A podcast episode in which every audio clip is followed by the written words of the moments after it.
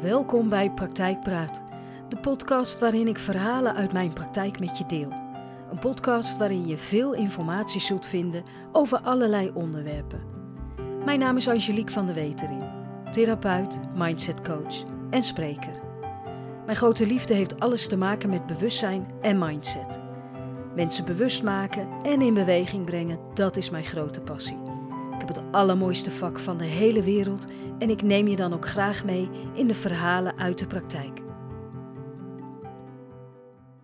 We kijken allemaal in de spiegel, maar kijk je ook wel eens in je eigen spiegel van gedrag. Kijken in de spiegel van gedrag kan confronterend zijn. De uitdrukking spiegel van gedrag is een symbolische uitdrukking die we gebruiken om het proces van zelfreflectie en zelfinzicht te beschrijven. Vergelijkbaar met hoe we in een echte spiegel kijken om ons uiterlijk te beoordelen, gebruiken we de spiegel van gedrag om naar binnen te kijken en onze innerlijke wereld te verkennen. Actief en kritisch naar jezelf kijken om inzicht te krijgen in waarom je dingen denkt en doet. Dit leidt tot persoonlijke groei. Je kunt het zien als een reis naar binnen om jezelf beter te leren kennen. Een reis waarin je met jezelf wordt geconfronteerd.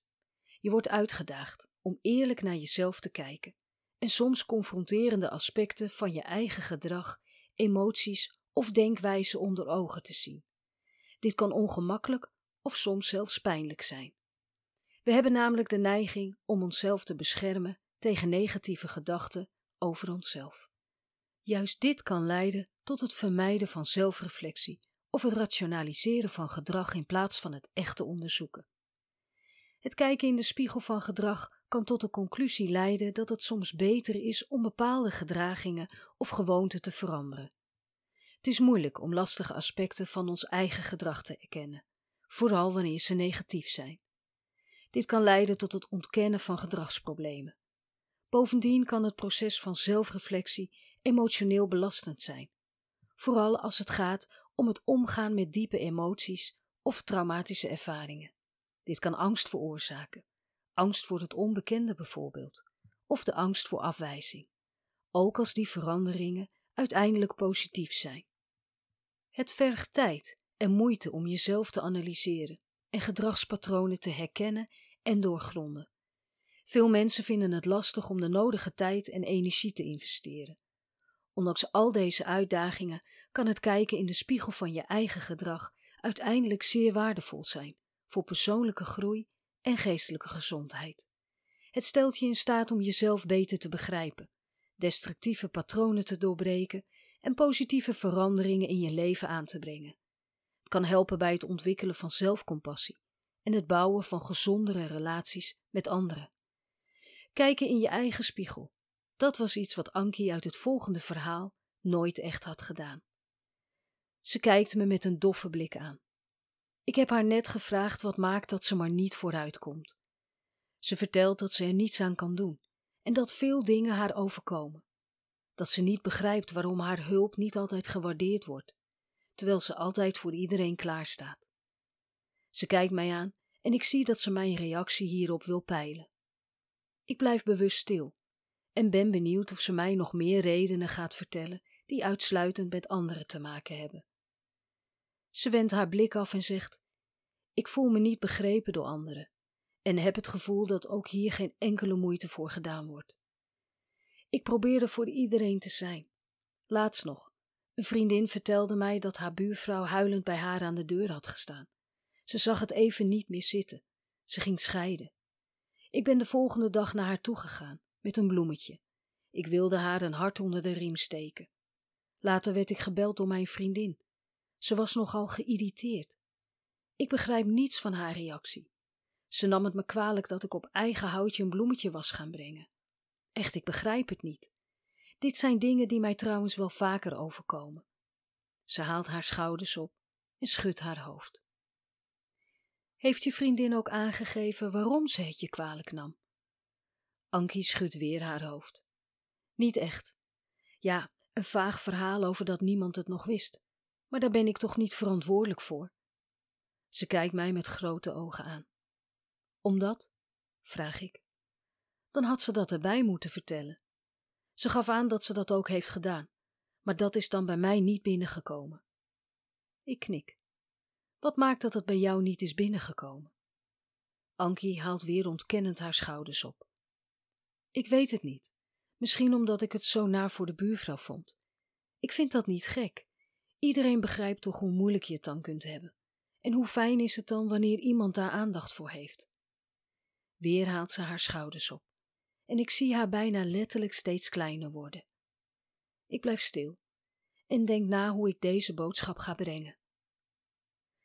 Of misschien ben je wel te veel bezig geweest met je eigen behoefte om te helpen en ben je uit het oog verloren waar het in eerste instantie om ging. Ze neemt een slokje water en zegt: Die begrijp ik niet. Waar ging het dan om? Ze zet het glas neer en kijkt mij aan. De lijnen in haar gezicht worden dieper. Jouw vriendin. Ze wilde haar verhaal doen.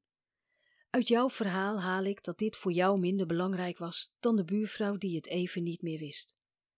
Wat maakt Ankie dat wanneer iemand iets nodig heeft, jij aangaat? Ze blijft stil. Vermoeid en verdrietig kijkt ze mij aan. Doe ik dat dan? Ik denk even aan haar mail, die ze mij enkele weken geleden stuurde. Ze vertelde altijd voor iedereen klaar te staan, maar dat ze het gevoel had dat niemand daarop zat te wachten. Ze gaf veel, maar kreeg maar weinig terug. Hierdoor was ze steeds iets meer gaan geven, in de hoop een positieve reactie en een goed gevoel te krijgen. Ze gaf zoveel dat er uiteindelijk maar weinig over was gebleven van haarzelf.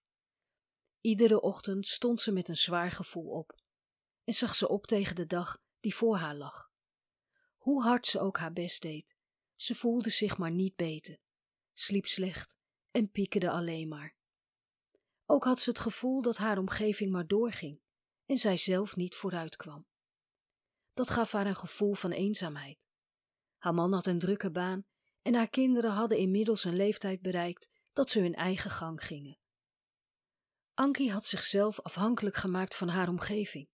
Als ze maar iets voor hen kon betekenen, dan gaf haar dat een goed gevoel. Langzaam was ze uit het oog verloren wat haar eigen behoeften waren. Zodra iemand iets nodig had, ging Ankie als vanzelf aan. Hierbij zichzelf en anderen uit het oog verliezend. Ze ging over grenzen, en dan met name die van haarzelf. Ze kreeg steeds minder vaak een positieve reactie en een goed gevoel, waardoor ze aan haar eigen kunnen ging twijfelen. In eerdere gesprekken met Ankie viel mij op dat ze altijd iets of iemand nodig had om zich gelukkig te kunnen voelen. Hoe ze naar haarzelf keek, had veel te maken met hoe een ander haar zag. Ze probeerde zich belangrijk en onmisbaar te maken en was overal en nergens zodra, zodra het over zorgen voorging. Mensen gingen haar ontwijken en gaven vaker hun grenzen aan. Ankie zag dit als een afwijzing en kon daardoor de boodschap hiervan niet meer zien. Het was mij al duidelijk geworden dat ze de meest vreselijke dingen tegen haarzelf kon zeggen. Haar onzekerheid en het gevoel van afwijzing hadden zich een weg naar binnen weten te vinden. Om zich goed te voelen had ze altijd haar omgeving gebruikt. Er kwam maar weinig uit haarzelf, waar ze gelukkig van werd.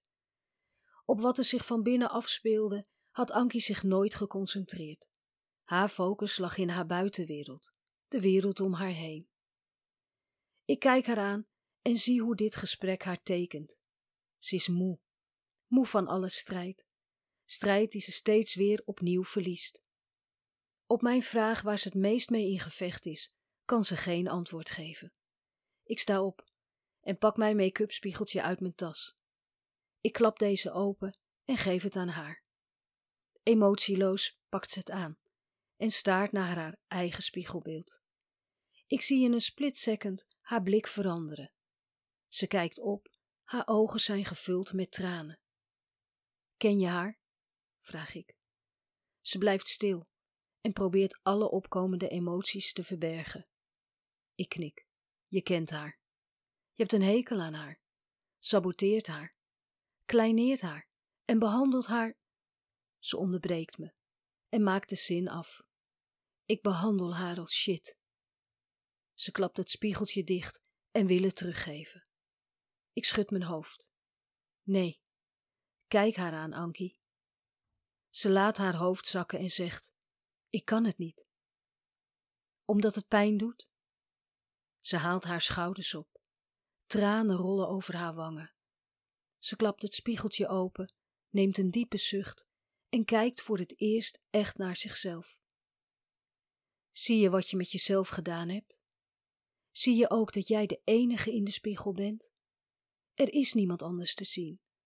Niemand tegen wie je kunt zeggen: ja, maar door jou of omdat jij? Niemand, Ankie. Alleen jij. Jij doet jezelf dit aan. En wanneer jij denkt daar een goede reden voor te hebben, dan wil ik graag dat je dat jezelf in de spiegel gaat vertellen. Vertel haar maar wat je mij hebt verteld. Ze staart even kort naar haar eigen spiegelbeeld. Ze slaat haar handen voor haar ogen. Vreselijk dit, zegt ze. Ik laat haar. En zie voor het eerst haar intense emoties. De confrontatie met de diep gekwetste Ankie in de spiegel zorgde ervoor dat ze kon zien dat ze iemand aan het kwijtraken was, door haar eigen gedrag. Die persoon, dat was zijzelf. Ankie, het is makkelijk om jezelf af te branden zonder jezelf aan te kijken. Ik sta op en ga naast haar zitten. Ik leg mijn hand op haar arm en zeg: Tijd om jezelf aan te blijven kijken en jezelf te leren kennen. Ze knikt en zegt met een brok in haar keel: Hoog tijd, ik heb mezelf verwaarloosd. Ze kijkt weer in het spiegeltje en zegt: Niet alleen fysiek, maar ook emotioneel. Ik geef haar een glaasje water. Ze kijkt mij aan en zegt: Weet je wat mij het meest raakt? Dat het makkelijk is om jezelf af te branden zonder jezelf aan te kijken. Ze legt haar handen trillend in haar schoot. Dat is het ook, zeg ik.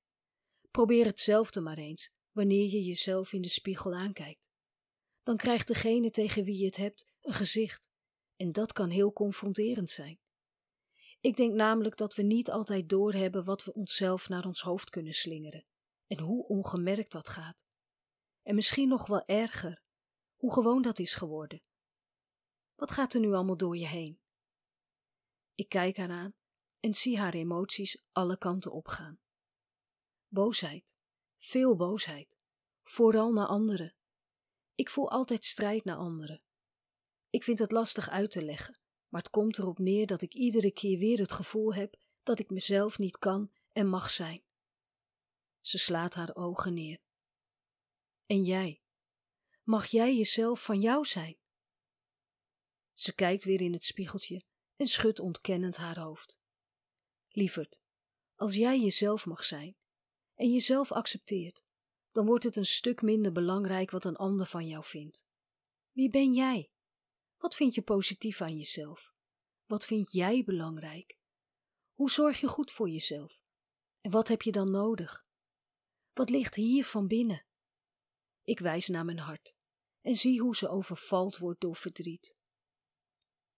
Ik voel daar niets. Het is donker en leeg. Ik weet ook niet wat ik daar moet voelen. Ze slaat haar ogen neer. De tranen rollen over haar wangen. Ik zie dat je daar wel iets voelt. Verdriet. Je hebt altijd iedereen aandacht gegeven, voor iedereen gezorgd. Dat gaf je een goed gevoel. Logisch. Het is ook fijn om voor anderen te zorgen.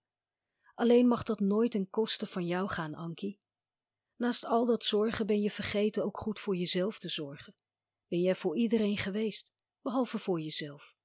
Zorgen voor heeft zo'n grote rol in jouw leven gekregen dat het haast dwingend en zwaar wordt. Jouw zorgen voor roept ondertussen weerstand op in je omgeving.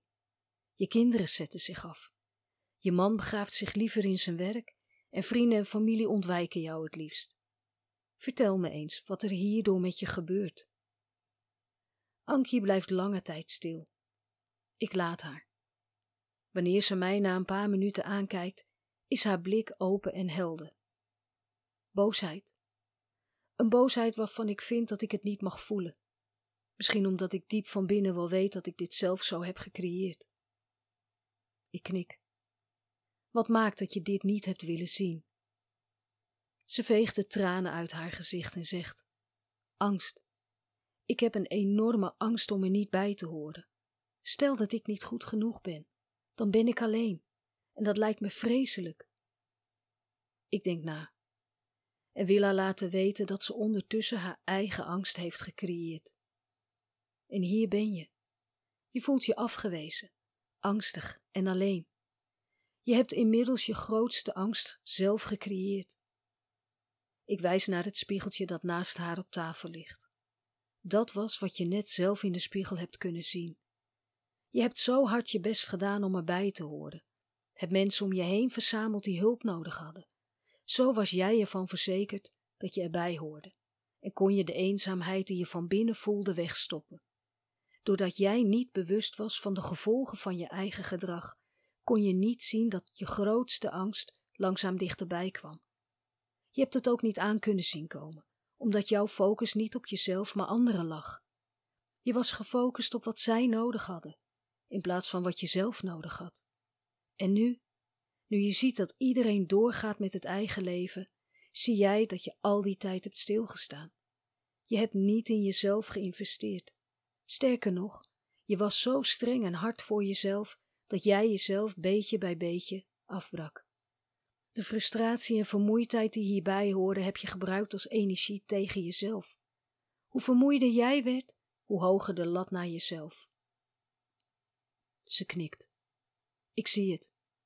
Ik zie wat ik al die tijd heb gedaan. Ik moet hierover na gaan denken. Ankie heeft letterlijk een aantal weken de tijd genomen voor haarzelf. Tijd om naar haarzelf te kijken, naar wat ze al die tijd gedaan had en zo'n gewoonte was geworden dat het haar niet meer opviel. Ik ben er even tussenuit geweest, vertelt ze op onze volgende afspraak. Ik moest weg, letterlijk. Ik moest alleen zijn. Doodeng vond ik het toen ik besefte dat ik nog nooit echt alleen ben geweest. Maar ik moest dit doen. Geen afleiding van anderen. Ik kon me alleen maar focussen op mijzelf. Kon alleen maar dat voelen wat er op dat moment was. Ze wijst naar haar hart. Eenzaamheid, angst, woede, verdriet. Maar ik ben nog iets gaan zien. Ik ben het kleine meisje in mij gaan zien. Haar ogen krijgen een warme, maar verdrietige glans. Ik ben net als dat kleine meisje op zoek gebleven naar het gevoel dat ook ik er mocht zijn. Ik heb dat blijkbaar gemist. Is het gek dat er steeds meer herinneringen uit mijn jeugd omhoog komen? Ik schud mijn hoofd. Nee, dat is niet gek. Het kleine meisje neemt je steeds mee naar situaties die lastig waren en waarin zij zich verloren voelde, op zoek naar dat kleine beetje houvast dat ook zij er mocht zijn. Ankie blijft stil en legt haar handen in haar schoot. Dat is precies hoe ik mij als klein meisje heb gevoeld, verloren. Ik besef me dat ik, dat ik mij nog steeds verloren kan voelen, alsof ik nergens bij hoor. Weet je wat ik de laatste paar dagen steeds voor me zie? Mijn vader, die boos wegrijdt en roept dat hij nooit meer terugkomt. Ik heb uren boven aan de trap gezeten, wachtend tot hij zou thuiskomen. Toen hij uiteindelijk thuis kwam, had mijn moeder de deur zo op slot gedraaid dat hij niet naar binnen kon. Ik moest zo hard huilen dat mijn moeder mij ontdekte op de trap. Ze snauwde naar me: Naar bed jij en hou op met huilen. Je mist niets aan die man. Er rollen tranen over haar wangen. Ik geef haar een tissue en vraag: Hoe voelde jij je op dat moment? Ze kijkt me aan en zegt: Verloren. Ze veegt de tranen uit haar gezicht. Ik heb mijn vader daarna nog sporadisch gezien. Het was een onderwerp waar mijn moeder het niet over wilde hebben. Zodra ik naar hem, naar hem vroeg, veegde ze het van tafel. Ik werd een angstig en zenuwachtig kind. Ze staart even voor zich uit en zegt: Ik denk dat het toen allemaal begonnen is. Ankie werd een angstig en zenuwachtig kind, die doodsbang was dat ook haar moeder op een dag weg zou gaan. Deze angst werd een olievlek en voelde ze bij alles en iedereen uit haar omgeving. Ze ontwikkelde onbewust een copingstrategie om met deze angst om te gaan. Ze ging zorgen voor haar moeder en haar omgeving. Zorgen werd pleasen. Ze probeerde anderen gelukkig te maken en negeerde daarbij haar eigen behoeften en grenzen. Allemaal uit angst iemand kwijt te raken en afgewezen te worden. Het pleasen werd langzamerhand een probleem op zich. Ze raakte overbelast, verloor haar persoonlijke grenzen en verwaarloosde haar eigen behoeften en welzijn. Pas toen ze echt in haar eigen spiegel ging kijken, kon ze zien dat ze de meeste teleurstelling in haar leven zelf had gecreëerd. De verwachting die ze van iedereen had, werd groter dan het pleasen zelf, waardoor ze keer op keer teleurstelling voelde. Om hiermee om te kunnen gaan, sloeg ze zichzelf dagelijks met allerlei verwijten en negatieve zelfspraak om de oren, tot er niets meer van haarzelf over was. Het gedrag dat ze zag in de spiegel zorgde ervoor dat ze ging begrijpen waarom ze deed wat ze deed. Ankie begon een dagboek bij te houden, waarin ze al haar inzichten opschreef. Door weer terug te kunnen lezen wat ze geleerd had, ontwikkelde ze compassie voor haarzelf. Daardoor lukte het haar steeds beter om goed voor zichzelf te zorgen, persoonlijke grenzen te herkennen en voor zichzelf te gaan staan. Voelen dat ook zij de moeite waard was en op haar eigen plek mocht staan, heeft diepe indruk gemaakt op Ankie. Ik ben er nog niet, maar ik ben wel aardig onderweg. Zien dat er ook een plek voor mij is waar ik mag staan, heeft zo ontzettend veel indruk gemaakt.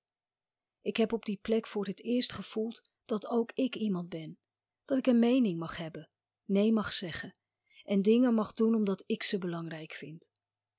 Weet je dat dit ook veel gedaan heeft met mijn omgeving? Ze staan open voor mijn verandering en motiveren mij om in alles eerst naar mezelf te kijken. Mijn kinderen helpen mij herinneren aan mijn eigen grenzen wanneer ik daaroverheen dreig te gaan. Mam, dat kunnen we zelf. Daar zijn wij zelf verantwoordelijk voor. Dat hoor ik regelmatig.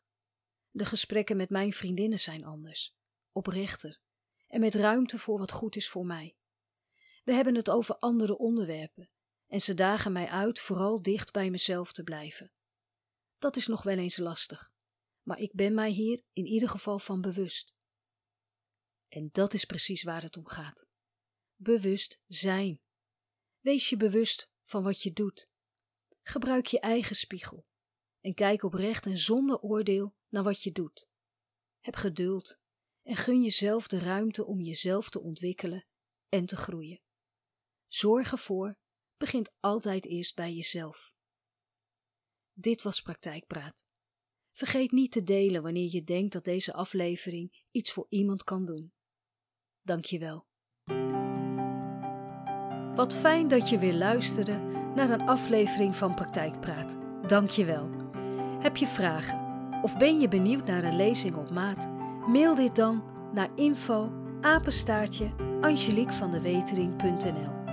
En wanneer je denkt dat deze podcast interessant zou kunnen zijn voor iemand die je kent, dan zou het super zijn wanneer je de podcastaflevering doorstuurt. Nog even een vraagje van mij. Vergeet niet te volgen. Dan mis je geen aflevering meer en help je mij om praktijkpraat onder de aandacht te brengen. Nogmaals hartelijk dank voor het luisteren en heel graag tot een volgende keer.